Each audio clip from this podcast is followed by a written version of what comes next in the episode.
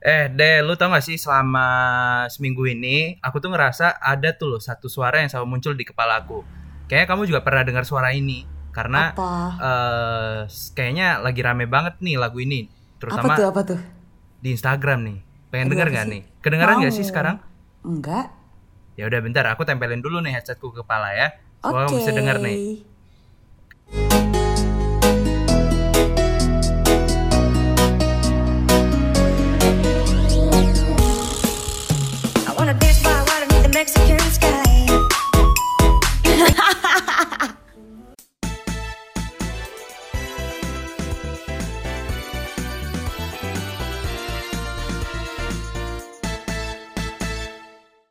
Oh, gak kerasa ya, De, ternyata udah satu tahun loh kita eh, kenal, kita ketemu dari tim KKN kita.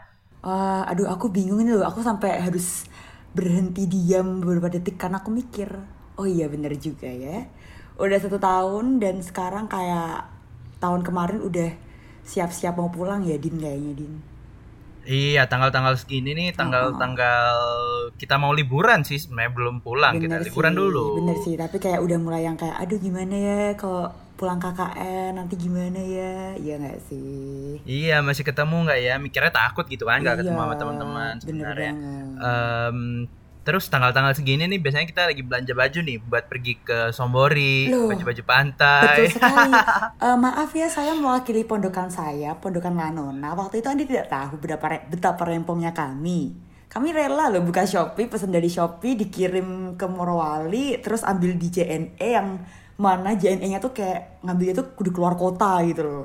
Emang effort banget buat tampil oke di sesi liburan waktu KKN gitu ya istilahnya. Iya, jadi kalau dari pondokanku sendiri kita tuh mesen juga Eh, dan eh, kalau nggak salah sih datangnya langsung ke pondokan. Oh, Cuma iya. karena aku pesannya di all shop yang lain, jadi punya aku tuh udah sampai di pondokan sebenarnya, tapi orangnya cabut, sprinternya cabut, sprinter nih kurir si pengirim Oh kan. baik.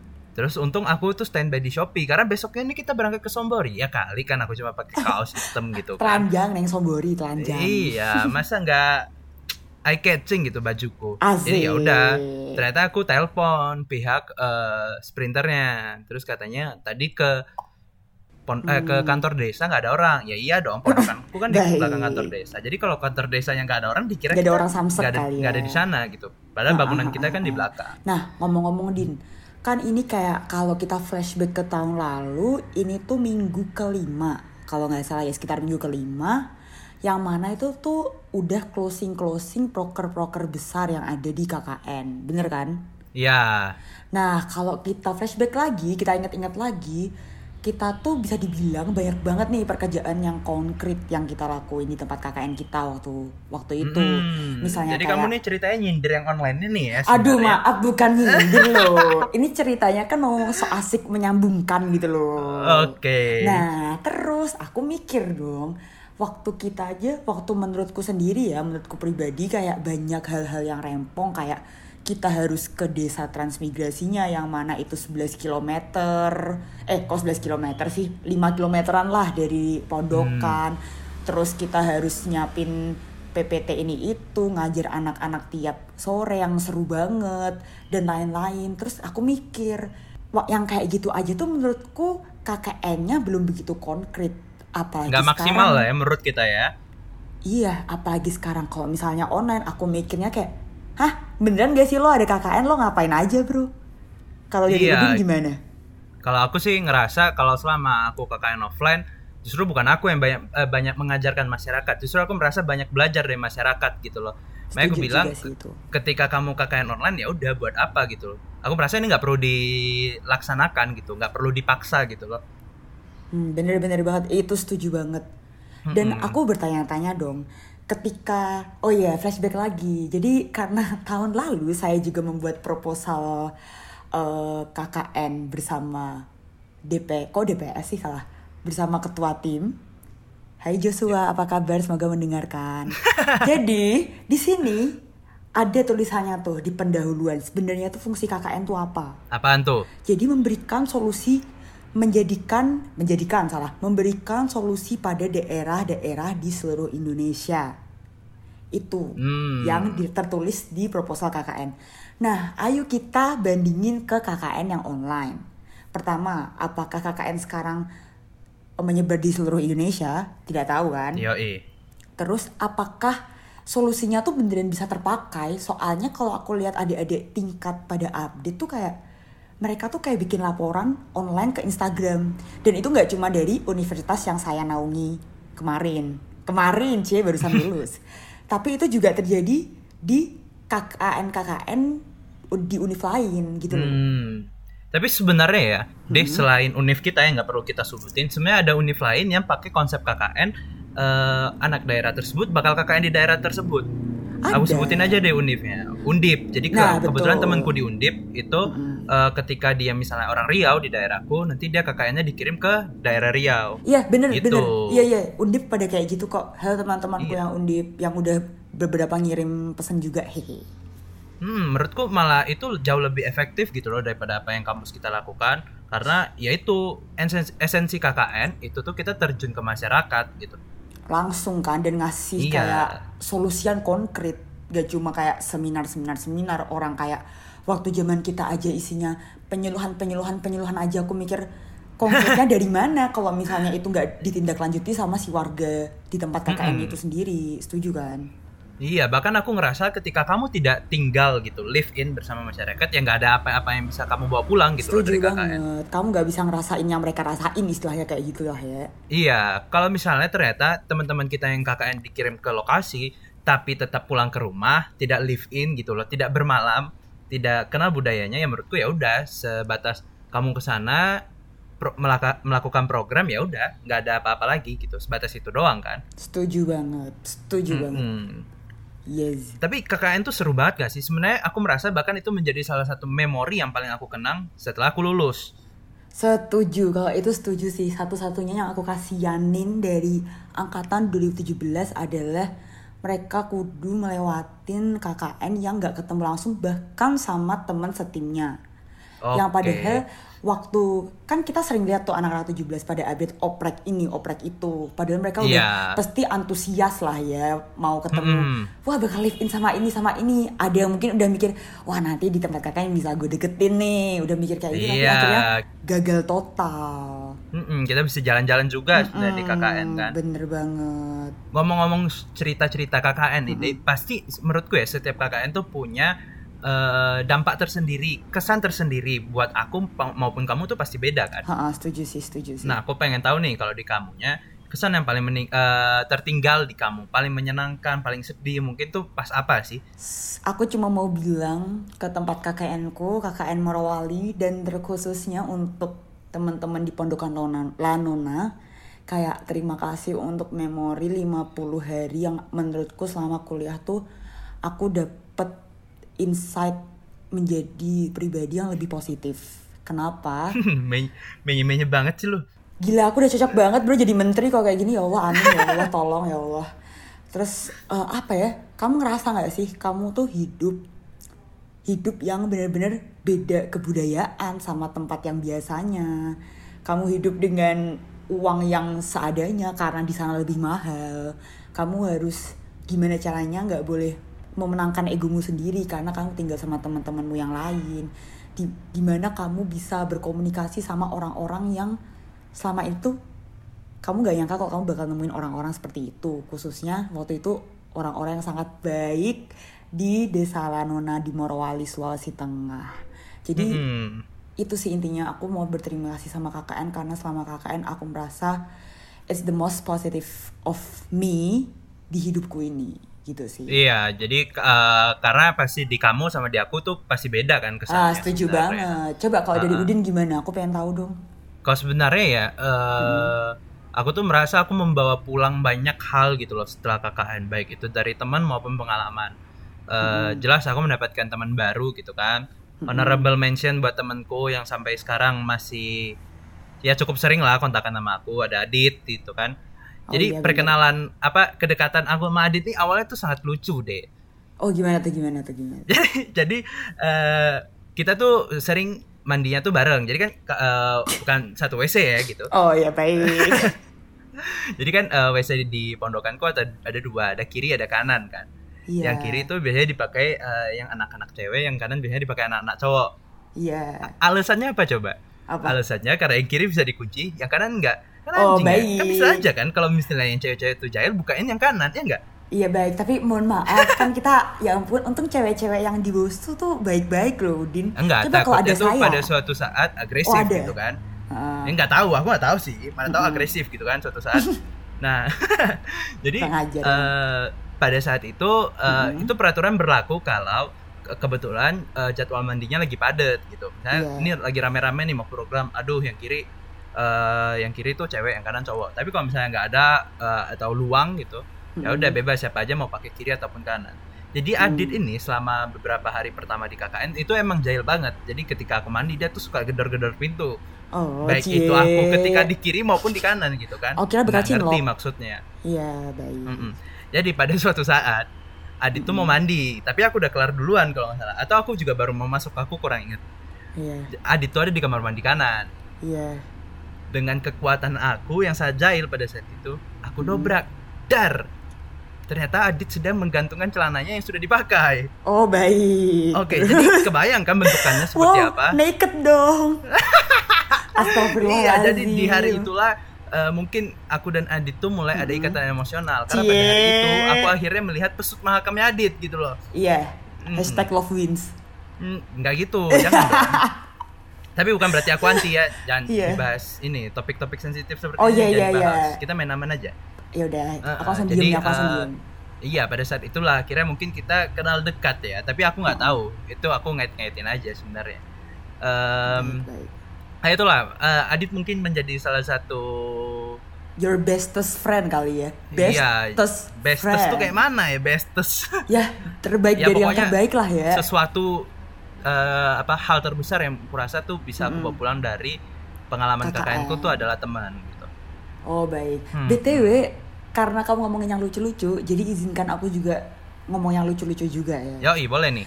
Jadi waktu itu apa sih yang tidak identik dengan KKN? Eh salah salah bukan gitu bahasanya.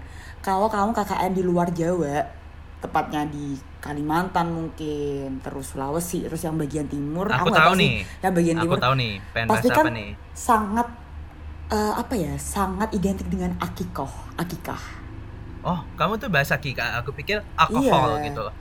Bukan, bentar itu ada lagi. Bentar, bentar, bentar. Waktu bahas Oke. akikah. Jadi lucu ya tuh di sini. Kita tuh hampir setiap minggu dapat undangan akikoh. Oke. Sampai pada suatu minggu gak tahu kita yang kebanyakan dosa atau ada salah ramuan di eh, makanan akikahnya.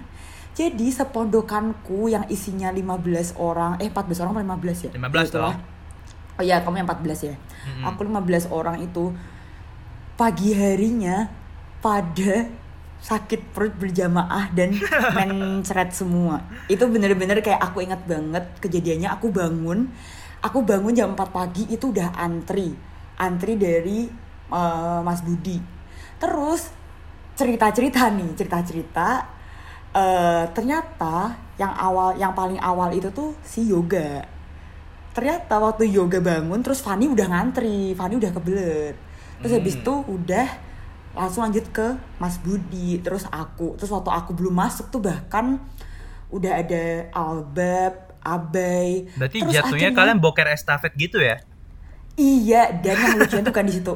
Lucunya tuh jadi karena si Albab sama Abe udah nggak gak tahan sama ee-nya itu. Mhm. Akhirnya mereka ke kantor desa sebelah yang mana nggak Oke. ada lampu sama sekali. Mm. Dan itu jam 4 pagi. Waduh. Itu kayak gelap gulita. Seru banget dong. Iya, terus teman kita yang namanya Abe itu dengan santainya mengeluarkan tinjanya itu di suatu tempat yang dia kira lubang. Terus ternyata bak mandi jangan-jangan.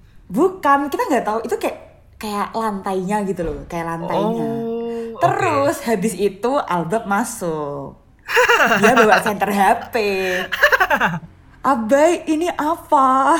Terus, Terus duar langsung rame pondokan. Itu pokoknya langsung Wah pokoknya gimana ya sorry banget aku nggak bisa nggak bisa cerita yang lucu guys kamu harus ng- ngerasain itu sendiri tuh sumpah waktu kamu ngerasain hari itu tuh Iya, iya, iya, sepondokan tuh banget rame ya. banget pada kebelet ee semua tuh kayak ya Allah yang nggak kebelet ee yang nggak kebelet ee cuma Georgie sampai Dani, Monik, Bang Jeff, kayaknya semuanya pada kena deh gara-gara itu. Oh, mungkin Emil, karena pada saat itu George tuh menakar makannya. nggak tahu sih kalau itu. Keke juga sakit, semuanya lah pada sakit tuh kayak itu seru banget sih. Itu seru banget sampai sepondokan sakit perut tuh ya Allah. Kenapa sakit Itu- perut itu. bisa jadi seru deh? Kan jadi pertanyaan sebenarnya. Nah itu kita nggak tahu bahkan orang sana tuh nggak ada yang sakit perut dong makanya kok it- kita jadi omongan sendiri waktu itu kayak aduh kayaknya tuh ada sesuatunya deh kayaknya nggak bersih deh Berarti Terus bahkan kayak, sampai ibu pondokan pun nggak apa-apa ya dengan makanan itu. nggak apa-apa dong terus kayak temanku yang namanya Dani karena dia anak FTP kan tentang Hmm. makanan-makanan gitu kayak mungkin sih kemarin tuh ada lalat gini gini gini gini gini Hmm, kan serius emang banget Dani ya. iya akikahnya kan emang nggak di dalam rumah kan kayak di pinggir jalan dan itu siang hari waktu itu dan Oke. emang kayak banyak lalat lah inilah Ya itulah. itu dia kan sebenarnya yang aku senang dari KKN tuh dia tuh melatih imun tubuhmu sebenarnya. Ah betul. Lama-lama kamu terbiasa, sekali. iya nggak? Betul, setuju sih. kamu tuh kalau di kota kamu bisa makan ayam ini itu. Lo tau nggak di tempat aku tuh makannya eh, nasi bumbu pecel gitu loh. Nggak jarang. Oh kita- iya iya iya, iya. aku masih Iya. inget kok. nggak jarang kita Uh-uh. tuh pop mie satu cup itu dibagi untuk tiga orang so, karena itu mie nya sebagai lauk bukan jadi makanan Iya, iya. utama jadi Keren keren. mm-mm, saking survive nya kita karena kita nggak punya ibu pondokan jadi kita Hmm. itu punya banyak cara gitu loh buat eh, makan atau apa pun itu tapi beruntungnya Hmm. teman-teman kita tuh ortunya tuh pada baik suka ngirimin makanan Ortu- boleh disebutkan terima kasih kepada bapak siapa mungkin? Wah banyak banget ini ada Oh, bapaknya banyak ya? Setra, Iya, bapaknya orang Setra tuanya itu. Leon, ada em, coba aku ingat-ingat ada orang tuanya Idar juga, ada orang tuanya Vanes juga, Eh, Lengkap ada ya, lengkap siapa lagi ya. ya? Yang jelas aku nggak aku nggak ngirim pada saat itu. Heeh, terima kasih lah buat teman-teman yang eh, orang tuanya udah sempet ngirimin eh, Iya. menjadi kasih, Om apa ya Tante. sebenarnya menjadi mutiara tersembunyi bagiku ya jujur Ah. terutama pada saat itu yang dikirimin sama ortunya Vanes tuh ayam gitu loh cuy bayangin ayam Waduh. dikirim karena Bro, saking berharganya kita ya selama mungkin di sana gak pernah makan ayam bro, setuju gak sih? iya pasti makannya ikan biasanya kan Iya. karena kita juga di daerah deket laut sih sebenarnya Laut. heeh. Heeh. Eh, kalau kita udah ngomongin pengalaman paling gak terlupakan Nah, enaknya kita ngomongin apa lagi sih bentar Din, ini kayaknya satu topik dan satu kenang-kenangan juga sih yang cuma ditemuin kayaknya di luar Jawa. Apaan bukan tuh? bukan cuma sih, tapi kayak identik dengan luar Jawa. Heeh. Alkohol dong. Wah, kamu salah kalau kamu bilangnya cuma di luar Jawa. Oh salah ya di Jawa juga. salah ya? dong. Kalau kita KKN-nya di misalnya let's say KKN di hmm, Jogja. Kan kamu gampang tuh mau pulang ke kosan kan? Oh iyalah. Iya. kan tidak nanti lokal bro, kan kita iya. lokal bro. Oh, nanti maksudku kalau di Jogja nanti kamu tinggal party sama teman-teman KKN-mu aja. Iya benar juga ya. kalau kita kalau kita gimana dulu ya? Kalau kita lokal ya, kamu nyobain gak sih sebenarnya deh pas sampai sana? Iya, semoga ibumu gak dengerin sih. Enggak ibuku dengerin sih. Halo ibu. Enggak kok ibuku tahu kok.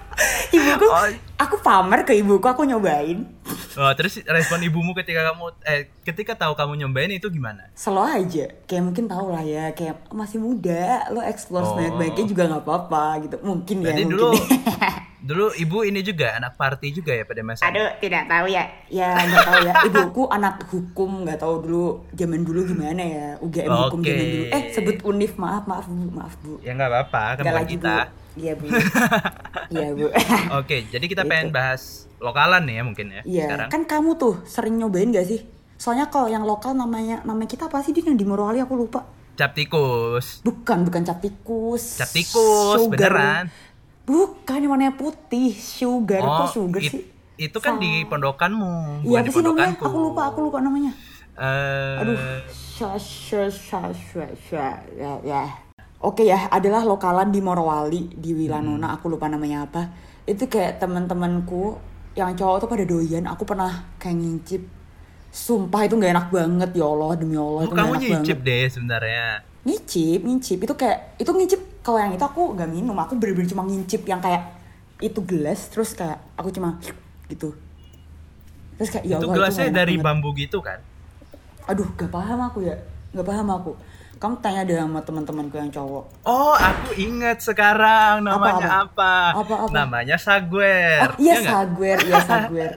Yo, jadi eh, aku juga nggak tahu karena aku belum sempat nyoba, sempat diajakin sama teman-teman, cuma nggak sem- nggak nggak apa ya nggak ada waktu akhirnya buat Oh nyobain nggak itu. jadi ya. Pokoknya tuh Mm-mm. itu teman-teman tuh ada bilang enak kan. Tapi kayak menurutku astaga itu kayak gak enak banget. Tapi jujur Iya. aja ya kayak eh, kayak aku nggak cocok sama minuman yang begituan gitu loh. Hahaha. Hmm. Titisan titisan Rasulullah alaihi wasallam. bukan mungkin kamu Oh, belum nemu aja. yang enak aja Kurang aja nanti kalau nemu yang enak tuh dilanjutin biasanya Enggak kok, nggak enak, sumpah. Kalau di daerah sana nggak ada yang enak. Mm-mm, jadi kita tuh kalau udah ngomongin KKN kata-kata Heeh. orang tuh nggak mungkin kalau kamu udah KKN di timur itu kamu tidak deket dengan yang namanya alkohol kan Iya. pasti kamu dekat Iya, Eh, setuju banget. setidaknya bahkan ada beberapa tim yang nyari eh, anggota timnya tuh harus ada yang kuat gitu supaya bisa nemenin ngobrol sama warlock Setuju sih Iya itu nggak sih? soalnya itu suguhan Mm-mm. loh bro. Aku kayak terima kasih sama temen-temen cowokku yang bener-bener bisa minum kayak gitu soalnya itu bener-bener itu tuh waktu itu yang menyuguhi kami itu kepala desa bahkan. Iya, dan untungnya Hmm. sebenarnya di tempatku eh, itu Iya. yang minum anak-anak pondokannya, tapi warga Hmm. sekitarnya enggak. Jadi kita tuh nggak Oh, perlu yang baik. sampai malam-malam nemenin warga, nggak perlu yang sampai eh, kita harus duduk berjam-jam sama warga. Ya udah, kalau kita mau minum ya kita kita aja gitu. Iya, oke. Ya itulah pokoknya seru banget. Berarti pa- mungkin pada hari itu adalah per- pengalaman pertama kali kamu lihat orang mabuk ya nggak sih? Iya, tapi ya Selama lucu banget sih itu kayak aku ada temen namanya Hai semoga mendengarkan Sumpah dia dia nggak mau ngakuin kalau misalnya dia tipsi dia pasti selalu ngomong aku gak apa-apa kok aku gak apa-apa tapi kayak aneh banget sumpah Anehnya Gitu. gimana tuh? nah ini fun fact-nya aku selalu bobok leb- nggak lebih dari jam 10 jam 11 Iya sampai sekarang pun setengah sembilan udah bobo anjing susah Iya, banget kalau kan, mau ngobrol kan aku di Semarang, kan aku di rumah, nggak bisa bobo malam, aku suka tidur soalnya. Nah, Oke. terus pokoknya intinya itu nggak pernah mau ngaku kalau dia tipsi. Terus? Intinya itu. Terus ada suatu malam dia disuruh joget gitu mau dong. itu beneran Aduh. disuruh joget, terus di videonya itu tuh dia ngomong aku nggak tipsi, aku nggak tipsi gitu. Hmm, sambil Aku masih sadar, aku ini sadar loh. iya, sambil pusing gitu ya. ngomongnya. Iya, pasti lah. Mm-mm, Jadi kalau di tempatku sebenarnya Heeh. pada ya biasa aja sih sebenarnya kalau misalnya udah eh, mabuk ya muntah lah ya normal gitu kan. Nggak ada yang menarik mungkin dari malam-malam kita itu biasanya kita mengadakan itu mungkin seminggu sekali atau seminggu dua kali. Hmm. Kapan kita slow lah biasanya baru kita ngadain itu. Hmm. Nah, eh kayak masih banyak sih cerita-cerita KKN. Kayak kita lanjutin nih cerita-cerita bagian lucunya. Iya, Eh, boleh. mungkin aku keingat satu momen di mana jadi kan di pondokanku tuh ada juru masak yang handal banget nih. Shout out to Oh, Ma Arin Arin. nggak sih? Yo, Iya, Ma Arin. Jadi eh, asli Padang nih. Jadi makanannya tuh pasti yang hot-hot gitu kan. Iya, pedes pedes Nah, pedes. jadi pada suatu hari, Mm-mm. kalau nggak salah, ini Adit sama Rai atau Ed itu Mm-mm. lagi gosok gigi atau cuci muka gitu di WC. Mm-mm. Jadi kan kita WC kiri kanan, terus di tengahnya ada bak gitu kan. Kayak Mm-mm. itu bisa dipakai buat wudhu, bisa dipakai buat cuci piring kan. Mm-mm. Ah, eh tempat wudhu sama cuci piring boleh gabung gak sih? Nggak boleh dodol. Wah, Kurang ajar. mungkin, mungkin aku itu ya iya itu- lagi. mungkin itu tempat cuci piring. Wudhunya mungkin di Ah. WC. Karena aku nggak pernah lihat teman-temanku wudhu kan. Mm-mm. Ah, jadi seperti itu. Jadi itu tempat cuci piring. Jadi itu biasanya kita pakai buat tempat gosok gigi juga karena gak ada tempat lagi Aduh, kan. iya iya baik. Jadi kita biasa gosok kalau misalnya ada WC, kadang gosok giginya di WC. Kalau enggak ya di luar sekalian nggak apa-apa. Mm-mm. Nah, pada saat itu Nasif lagi di WC. Mm-mm. Habis makan sambalnya sama Arin. Mm-mm. Terus pada saat itu kalau nggak salah yang ku bilang tadi Ed sama Adit lagi sikat gigi. Mm-mm. Terus tiba-tiba bu- eh, muncullah bunyi seperti ini. Aduh, yang ya sangat kencang pada saat itu. Terus tanpa diminta klarifikasi apa-apa, Hmm. Nazifnya ngomong dari dalam kamar mandi, sambelnya mantep cuk katanya. Jadi konyol banget gitu loh. Eh, karena em, emang sambal Ema Arin tuh enak banget sih. Kalau misalnya dia produksi sambal dalam eh, bentuk botol, mungkin aku bakal Kau bakal- berlangganan ya. Baik. Hmm, Temen-temen juga harus itu nyobain ya. nih sebenarnya sambal Ema Arin. Kalau Ema Arin buka rumah makan, kita bakal promosiin. Janji deh. Heeh. Iya tuh, Arin Karena ayo kita- mulai usaha Arin. Karena kita pertama kali makan gulai juga gara-gara Ma Arin. Hmm, baik. nggak tahu id- ngide apa dia tuh pengen masak gulai gitu atau kita yang Hmm. minta juga aku nggak inget sebenarnya Kolesterol ya tinggi juga ya kalau di Morowali berarti ya. hmm nggak apa-apa eh kita tuh makannya kubis goreng pokoknya semua Waduh. digoreng deh yang paling gampang tempe hampir tiap hari makan tempe gitu Semuanya lah ya, asik lah ya Mm-mm. pokoknya. Timbun kolesterol sebanyak-banyaknya Iya, waktu KKN. nggak apa-apa deh, cuma 50 hari kan kita bikin Yuhu. udah kolesterol, gula dari alkohol, Pak. Bener, sehat banget hidup kita ya Iya, waktu KKN tuh. banget. Belum lagi bergad begadang. Betul, Eh. betul banget. Belum lagi anak-anak pondokan pada gak mau bangun pagi. Aku mau apa-apa mentribut, tribut untuk Abai, Gadeng. Abai tuh di awal-awal tuh bangun pagi kan sama aku kan. Terus Mm. pertengahan tuh yang bangun pagi cuma aku sama Keke kayaknya. Jadi kan aku auto bangun kan. Terus kayak jam 5an tuh Keke pasti bangun. Halo Keke, semoga mendengarkan. Kena- kenapa sih sebenarnya kamu tuh bangun pagi, Deh? Eh, pertama gak tahu ya kayak udah kebiasaan mungkin dari di dalam hati udah langsung diingetin buat sholat subuh.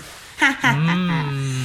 Terus eh, aku kayak aku selama KKN tuh sering banget jogging loh di tepi pantai.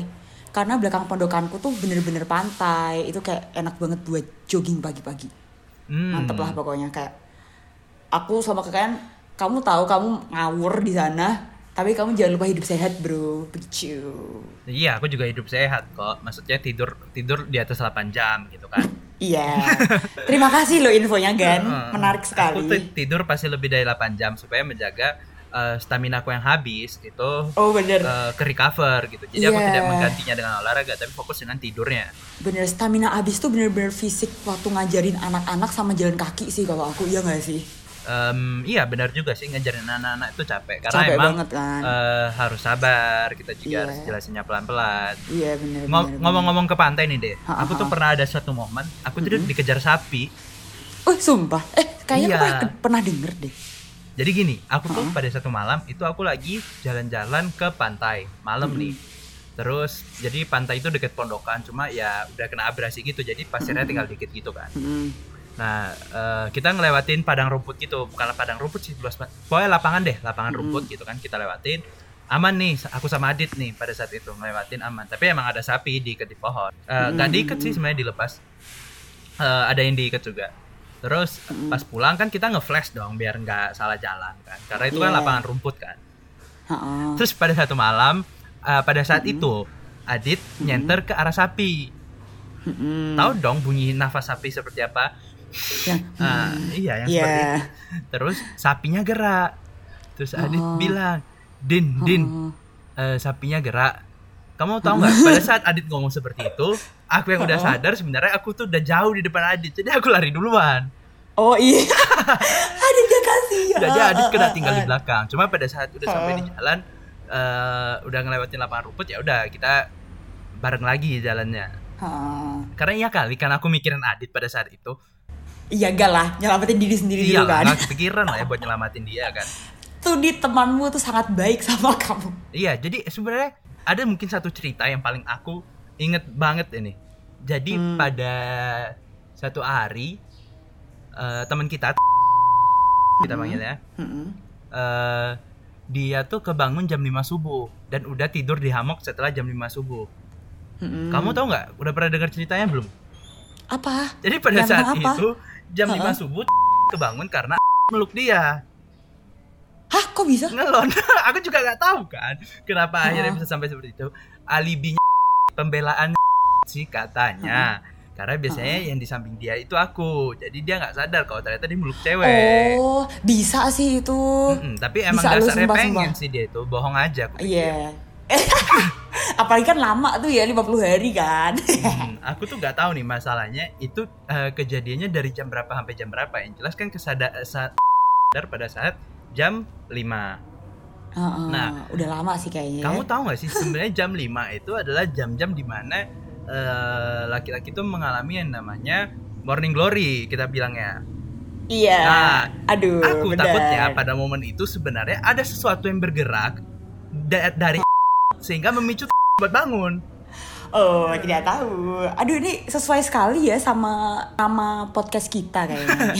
Jadi emang pada saat jam-jam seperti itu mungkin ada gerakan gitu kan, ada kontraksi di situ, makanya bisa bangun. Iya. Lagian sih ngaco kan. Kalau siang Iya, nggak bener apa-apa. Oh, Iya, Ma- baik. masa subuh-subuh kan dingin ya. Kalau dingin Iya. dia eh, menjadi perkasa gitu loh.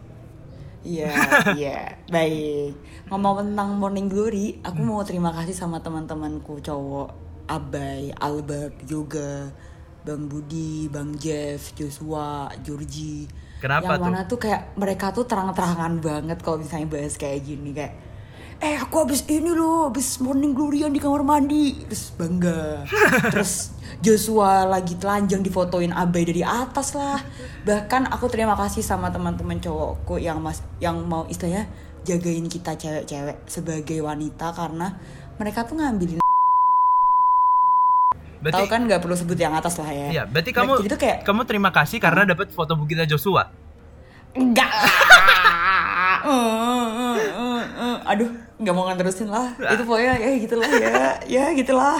Pokoknya kayak kayak bayangin kayak kapan lagi kamu ada temen cowok-cowok kayak eh tuh ambilin jemuran dong terus mereka ngambilin Yo, biasa itu kalau misalnya hujan kan ya udahlah kita tuh udah kayak bodo amat. Iya. siapa kita dan ambilin bahkan aja tuh semua kan. kayak mereka tuh kayak udah paham nih punya siapa nih punya siapa. Terus kayak ya udah yang kita cewek-cewek ya ya udah bro nggak apa-apa bro Iya thank you sama ya, sih bro." di tempatku juga udah paham Ah, motif ini punya siapa, kayak- motif ini punya siapa kan. mereka juga pasti kayak "Ah, alhamdulillah dapet nih Wih. kesempatan megang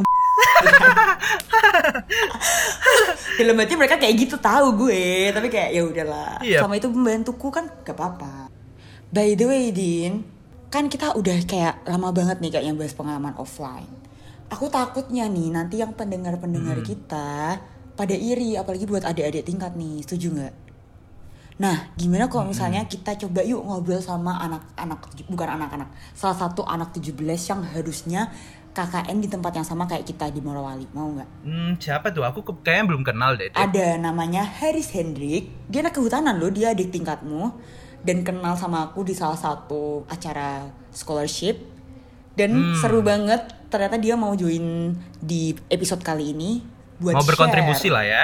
Iya, Mm-mm. buat share apa sih yang dia dapat di KKN online. Mau langsung ketemu sama dia atau enggak nih? Oke, kita lanjut ke next session berarti ya. Oke.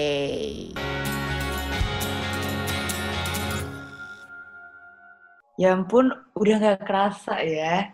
Di sini nih yang aku denger ada suara takbir karena besok Idul Adha guys. Dan kita flashback ke satu tahun yang lalu, Yoi. tepatnya waktu kita KKN ya Din ya. Iya, satu tahun lalu ternyata kita Itu idolakan juga di ada lokasi bareng-bareng KKN kita ya. ya, di Morowali waktu itu. Nah, berhubung kita sudah masuk ke sesi yang menjadi highlight di episode hari ini, kita kedatangan tamu spesial, yaitu salah satu adik tingkat yang seharusnya kali ini KKN offline di Morowali, penggantiku sama pengganti Udin, tapi sayangnya harus online. Dan nggak usah Hmm. lama-lama, langsung kita kasih waktu buat Haris Hendrik. Yeay! Halo, halo semua. Kalau bicara Halo. KKN soalnya.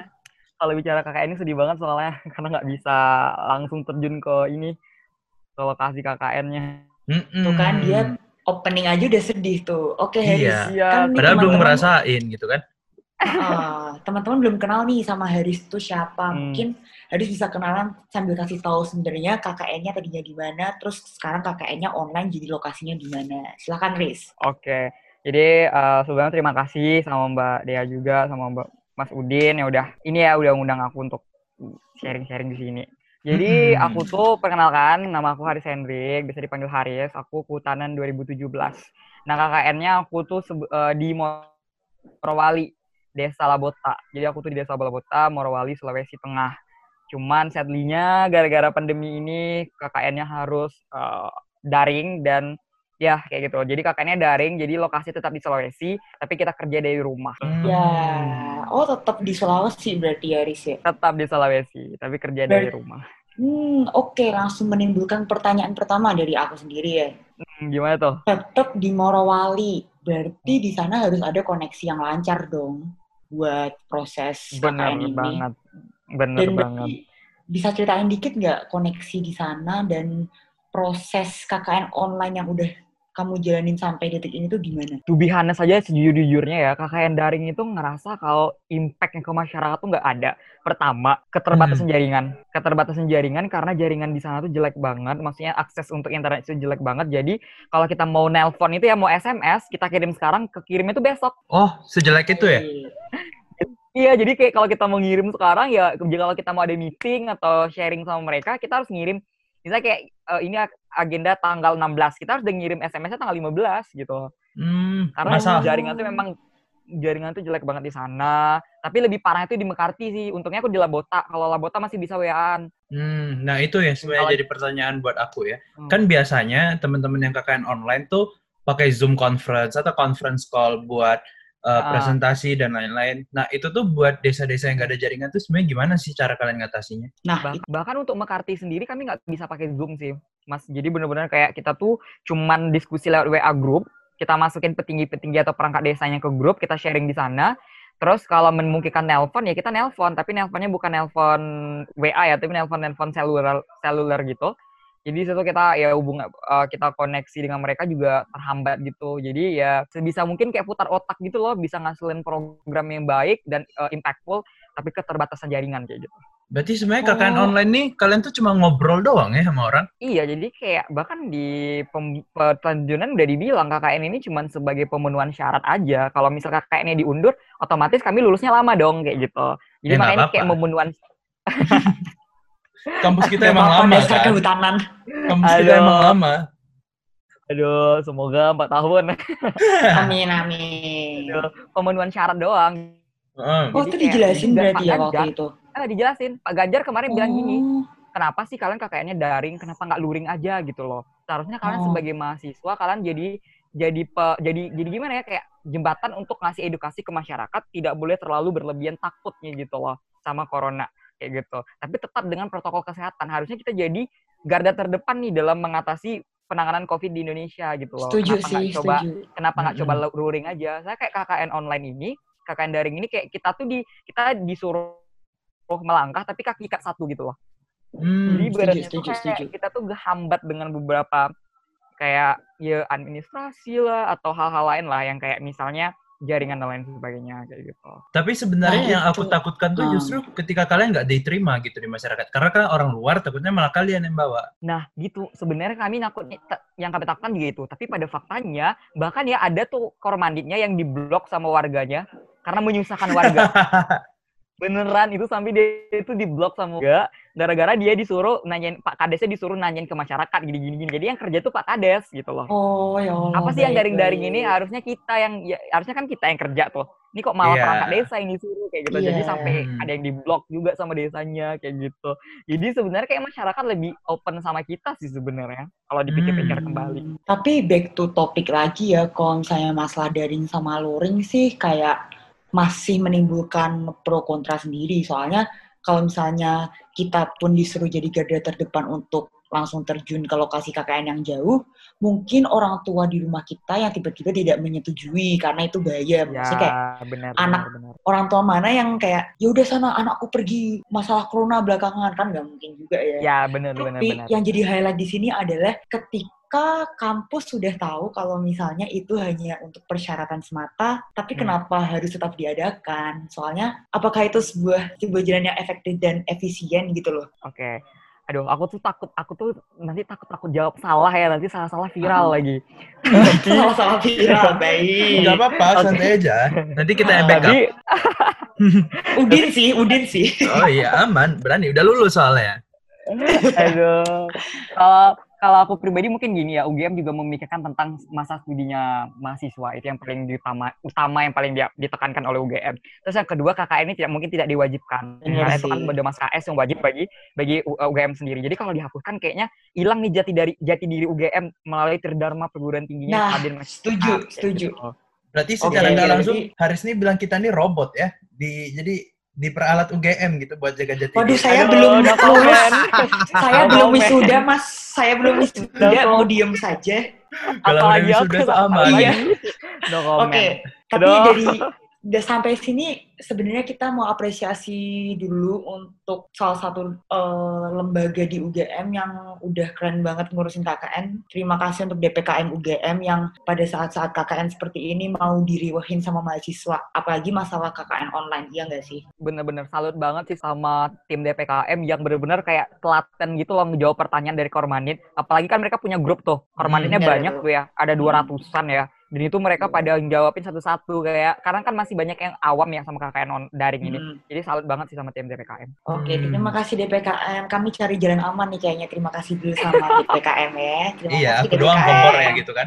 Oh, dasar lo kompornya udah lulus lo diem. Oke, Riz. Tadi kan kamu udah cerita Hmm. dikit tuh tentang prosesi KKN online-nya. Terus kita Hmm. mau tahu dong bentuk salah satu aja kamu ceritain proker konkret kamu di KKN online ini tuh apa? Oke, jadi kalau proker konkretnya aku, aku ngebawain kalau dari aku pribadi ya Mbak, aku bawain kampung iklim. Hmm. Apa itu kampung iklim? Nah, jadi kampung iklim itu kita mau buat ekowisata berbasis lingkungan dengan menerapkan desa wisata mangrove. Jadi kebetulan karena di sana pantai punya potensi untuk dibangun menjadi kawasan hutan mangrove kayak gitu. Hmm. Karena di sini juga menjanjikan pariwisata juga, karena kita fokusnya di sini adalah aset desa kan. Nah, salah satu Hmm. aset desa adalah pariwisata, gitu sektor pariwisatanya. Nah, kami Hmm. membuat kampung iklim dengan menerapkan 3R juga uh, green lifestyle lah istilahnya gitu. Bagaimana yang edukasi masyarakat cara membangun ekowisata berbasis lingkungan kayak gitu. Karena memang ini salah satu bentuk jasa pariwisata yang sangat dicari oleh banyak orang saat ini gitu loh. Kayak gitu. Jadi mungkin itu Oh. proker konkretnya. Aturannya sebenarnya kami kalau jadi KKN touring kami bakal kayak nanam mangrove di pantai itu sih pokoknya seru lah kayak ya tapi itu cuman sebatas angan-angan jadi kami buatnya PPT roadmapnya ke mereka kami ngasih PPT Nah, lah BTW nih, Hmm. waktu kamu, berarti kamu ngasih tahu PPT-nya cuma kirim file kan? Nggak Iya. lewat Zoom gitu kan? Cuma kirim file doang ya? cuma kirim file doang Aduh sedih banget sih itu. Maksudnya kayak tahun lalu aja kayak teman-temanku yang dari A group presentasi ini, aku yang saintek presentasi ini, itu aja kayak nganggep apaan sih lo KKN gak ada konkret-konkretnya cuma presentasi. Soalnya kan itu bakal Hmm. terlaksana kalau misalnya si warga bakal ngelanjutin kan. Kalau enggak ya udah kan. ya benar Apalagi benar, kayak benar. apalagi kayak KKN online ini cuma kirim file gitu kayak ya semoga Iya. aja dibantu sama yang kuasa. Amin. semoga dibaca sih dibaca Iya. dulu At least dibaca ya, benar-benar. iya benar Berarti secara overall sih. apa tuh? Bentar, Hmm, bentar. Aku mau ngasih fun fact-nya. Itu BTW proker yang Haris tadi jelasin tuh di tahun lalu di desaku juga udah ada sih, tapi belum dilaksanain. oh gitu Emang bener di daerah Morowali tuh bagian pantainya tuh emang paling jadi highlight ya. Kalau di, benar. bahasa yang di prokerku tuh biasanya beautifikasi pantai. Hmm. Karena emang kita tahu kalau misalnya di sana udah ada alam yang bagus, tapi sayangnya belum ada fasilitas yang mendukung buat menjadikan itu sebagai tempat wisata gitu loh. Yap, benar sekali. Benar. Jadi kamu tahu nggak, Riz, beautifikasi pantai Hmm. itu kan programnya Saintek Hmm. ya, Riz. Jadi fun Ah, fact nih, Iya, Po. bener-beneran fun fact. Iya, ini tuh programnya Ah. Saintek. Eh, jadi Ah. ternyata beautifikasi pantai itu mungut sampah di pantai anak-anaknya. Oh iya, Po. kan dari kamu. Gimana? Eh dari Fanny. Oh, itu dari Fani. Iya. Lupa, soalnya Tapi kayak akhirnya itu gak soalnya kelaksana. temanku Oh, yang gitu ya. dari pariwisata beneran riset nyampe bukan riset sih nyampe sama warga tuh ke pantai-pantai yang di pedalaman ke air terjun yang kayak itu kayak gitu Bohong, jalan-jalan doang Hmm. itu. ya ngomongnya begitu si yoga ya yoga nah Aduh, pingin sih, pingin. Iya tuh sayang banget Riz kamu harus tahu Morowali sebagus itu apalagi di Iya Sombori Riz benar. Kami tuh Sorry, dikasih jatah, kami dijatah bahkan kayak kami tuh dikasih jatah sama pemerintah sana untuk liburan tiga hari di pulau. kok Kayak- enak sih Iya dikasih kalian tuh dapat liburan tiga hari di sana, ada villa apa kayak resort gitu di sana kan. Belum jadi katanya. Oh, belum Katanya belum jadi. jadi tapi oh, belum Iya. jadi. Saya bapak, Iya. bapak apa ya kemarin tuh? Pokoknya dia bilang gitu sih. Jadi nanti kalian ada waktu tiga hari untuk jalan-jalan di sana, nikmatin resort di sana katanya kayak gitu. Kan yang nganterin Ya, kita tapi- sohib aku deh. oh iya iya benar juga Warlock lupa sohib. saya iya benar lupa lupa Mm-mm. nah itu series yang kamu lewatin warlock warlock di Morowali tuh gokil gokil. Riz Once in a lifetime ya, tapi nggak dapat ya. Ya, itu dia. diganti di kesempatan yang lebih baik nanti Hmm. amin Amin. Berarti emang secara overall Haris ini nggak sepakat ya sebenarnya KKN online dilaksanain. Maksudku nggak efektif Nggak. lah ya. Kalau e- nggak efektif, aku yakin semua mahasiswa pasti jawabnya nggak efektif. Tapi ya gimana mau diadain juga nanti banyak pro kontra juga kan. UGM kan salah satu kampus yang gimana ya mencari jalan aman kayak gitu. ah, Tapi- benar setuju sih Tapi jujur nih, Riz, kalau bisa kita compare sama Undip, tau lah ya Undip Ah. KKN-nya gimana. Yang Heeh. Kalau misalnya kita anak Riau, terus kuliahnya di Undip Hmm. kan dikirim ke uh, Riau buat KKN-nya. Hmm. Menurut Aris Iya. tuh itu lebih efektif gak sih sebenarnya? Nah itu yang sempat kami diskusikan sama anak tim KKN aku ya mas. Terus aku bilang Hmm. kayak gini, bahkan anak Unri aja mereka terjun loh gitu loh anak Iya. Unan mereka terjun di daerah mereka sendiri gitu di Mm-mm. daerah mereka sendiri KKN-nya menurut aku kenapa nggak kayak gitu aja gitu loh Hmm, tapi jadi yang biar ada maksudnya kayak biar ada jadi tuh kayak biar ada kayak apa namanya pengabdian masyarakat secara real gitu loh walaupun Hmm. misalnya kayak Setuju. sebatas apa gitu Setuju. soalnya Tapi kalau itu- berbasis kayak gini tuh Hmm. kayak kita cuman sharing file dan itu menurut aku kayak kita apa bedanya sama ngerjain tugas buat dosen gitu Berarti emang nggak diobrolin di tingkat DPKM ya itu sebenarnya. Iya nggak diobrolin Gak ada yang tahu kita, gak ada yang tahu. Hmm, kita gak ada yang iya. tahu dapur. Mm-mm. Ya nanti Iya telepon nggak bapaknya Setra ya deh. Iya kamu kan yang sepondokan sama Setra, Set tolong tanyain papa lu, Set. Heeh. Pejabat hati-hati. Oh iya, Waduh. pak, maaf pak. Belum lulus saya pak, ya Allah pak. Masih masih Agustus pak, lulusnya pak. aduh Terus, terus. Udin mau tanya lagi ya? Kalau tak, gak, gak mau tanya, aku yang tanya nih. Boleh, silakan. Oke, tadi berarti dari benar kata Udin sampai sekarang intinya Haris tuh lebih ke, aduh ngapain sih online-onlinean gitu kan, bener kan? Mm-mm. Terus, Riz. bener banget Hmm. Bisa di-sharingin nggak ke kita dan teman-teman yang denger nanti, yang bakalan denger episode ini? Eh sebenarnya tuh ketika kamu menjalani KKN online ini tuh yang kamu rasain tuh apa? Males kah? Terpaksa kah? Soalnya Hmm. Kan banyak nih aku ngefollow anak-anak 17 di Twitter, di Instagram. Kan tuh mereka ada yang Hmm. sampai kayak, aduh kerjaanku buat KKN belum ada kerjaan. Terus ada juga Hmm. yang eh, KKN-nya setim liburan bareng, gara-gara untuk Hmm. ya nebus rasa solidaritas mereka kali ya. Dah, Haris Ya. gimana sih perasaannya tuh gimana gitu? perasaan pertama ketahu bahwasannya KKN itu akan dijaring itu kecewa banget karena pertama kami tuh udah senang banget loh mbak dari IMIP kami dapat dana lumayan besar gitu loh terus Oh, dari dapet kami kita menang battling jadi kami total tuh dapat 260 juta untuk KKN kami gitu loh Wih, baik Nah. banget ya. Setim. iya 200 itu iya, satu satu tim. iya 260 juta Pusing, pusing. terus tiba-tiba ternyata Pusing nggak jadi padahal kayak dana dana yang diambil tuh cuma 150 juta aja kayak Oh. mikirnya tuh kayak dana itu udah kelebih, dananya kelebih kelebihan banget kan jadi kayak gila ini bisa nih nanti eh, untuk apa apa kan kayak setelah KKN tuh apa namanya gathering gatheringnya itu gitu loh kayak kami tuh Hmm. rencana-rencana Ah. gitu terus tiba kayak kayak ya sedih ternyata ya sedihnya itu itu dananya itu loh dananya itu kayak kami juga mempertanyakan dananya nantinya dibuat untuk apa pasti dananya kan berlebih di eh, periode selanjutnya kayak gitu karena Berarti dari kaminya kami cuma dapat Hmm. dana 5 juta dana 5 Oh. juta dari DPKM dana 5 juta tuh kayak dibagi 30 orang cuma 166 ribu gitu Iya, pas lah buat beli Iya. kota dua bulan mah. Ah, untuk beli untuk beli kuota tapi tadi tuh kayak dapat 260 juta tuh kayak ya sedih kan nggak jadi KKN terus juga Eh. mikirnya kayak ini pengalaman sekali seumur hidup gitu loh kayak S2 kan nggak ada KKN kan kalau mau lanjut S2 Iya, juga gitu. Iya, kapan Jadi lagi kayak- gitu kan megang uang 260 Ah. juta gitu kan. jadi tuh kayak sedih banget kayak ya udahlah tapi sempat sempat sempat bad mood lah istilahnya kayak gila ya kenapa ya? padahal udah nyiapin aku kan pengusul juga nih. Jadi kan pengusul tahu banget tuh perjuangannya gimana bangunnya tuh dari bulan 9 benar-benar percaya dari bulan 9 kami orang belum selesai eh, kayak baru selesai KKN satu bulan yang periode Oh. sebelumnya terus kami udah persiapin diri kayak udah. Ternyata ya itulah persiapan ternyata rencana kita tuh nggak sesuai rencana Tuhan Hmm. gitu. Ya bagus lah UGM nggak nerjunin kalian. Niatnya jahat soalnya 260 juta sisanya mau dipakai buat gathering kan. Udah ngajar ya gua.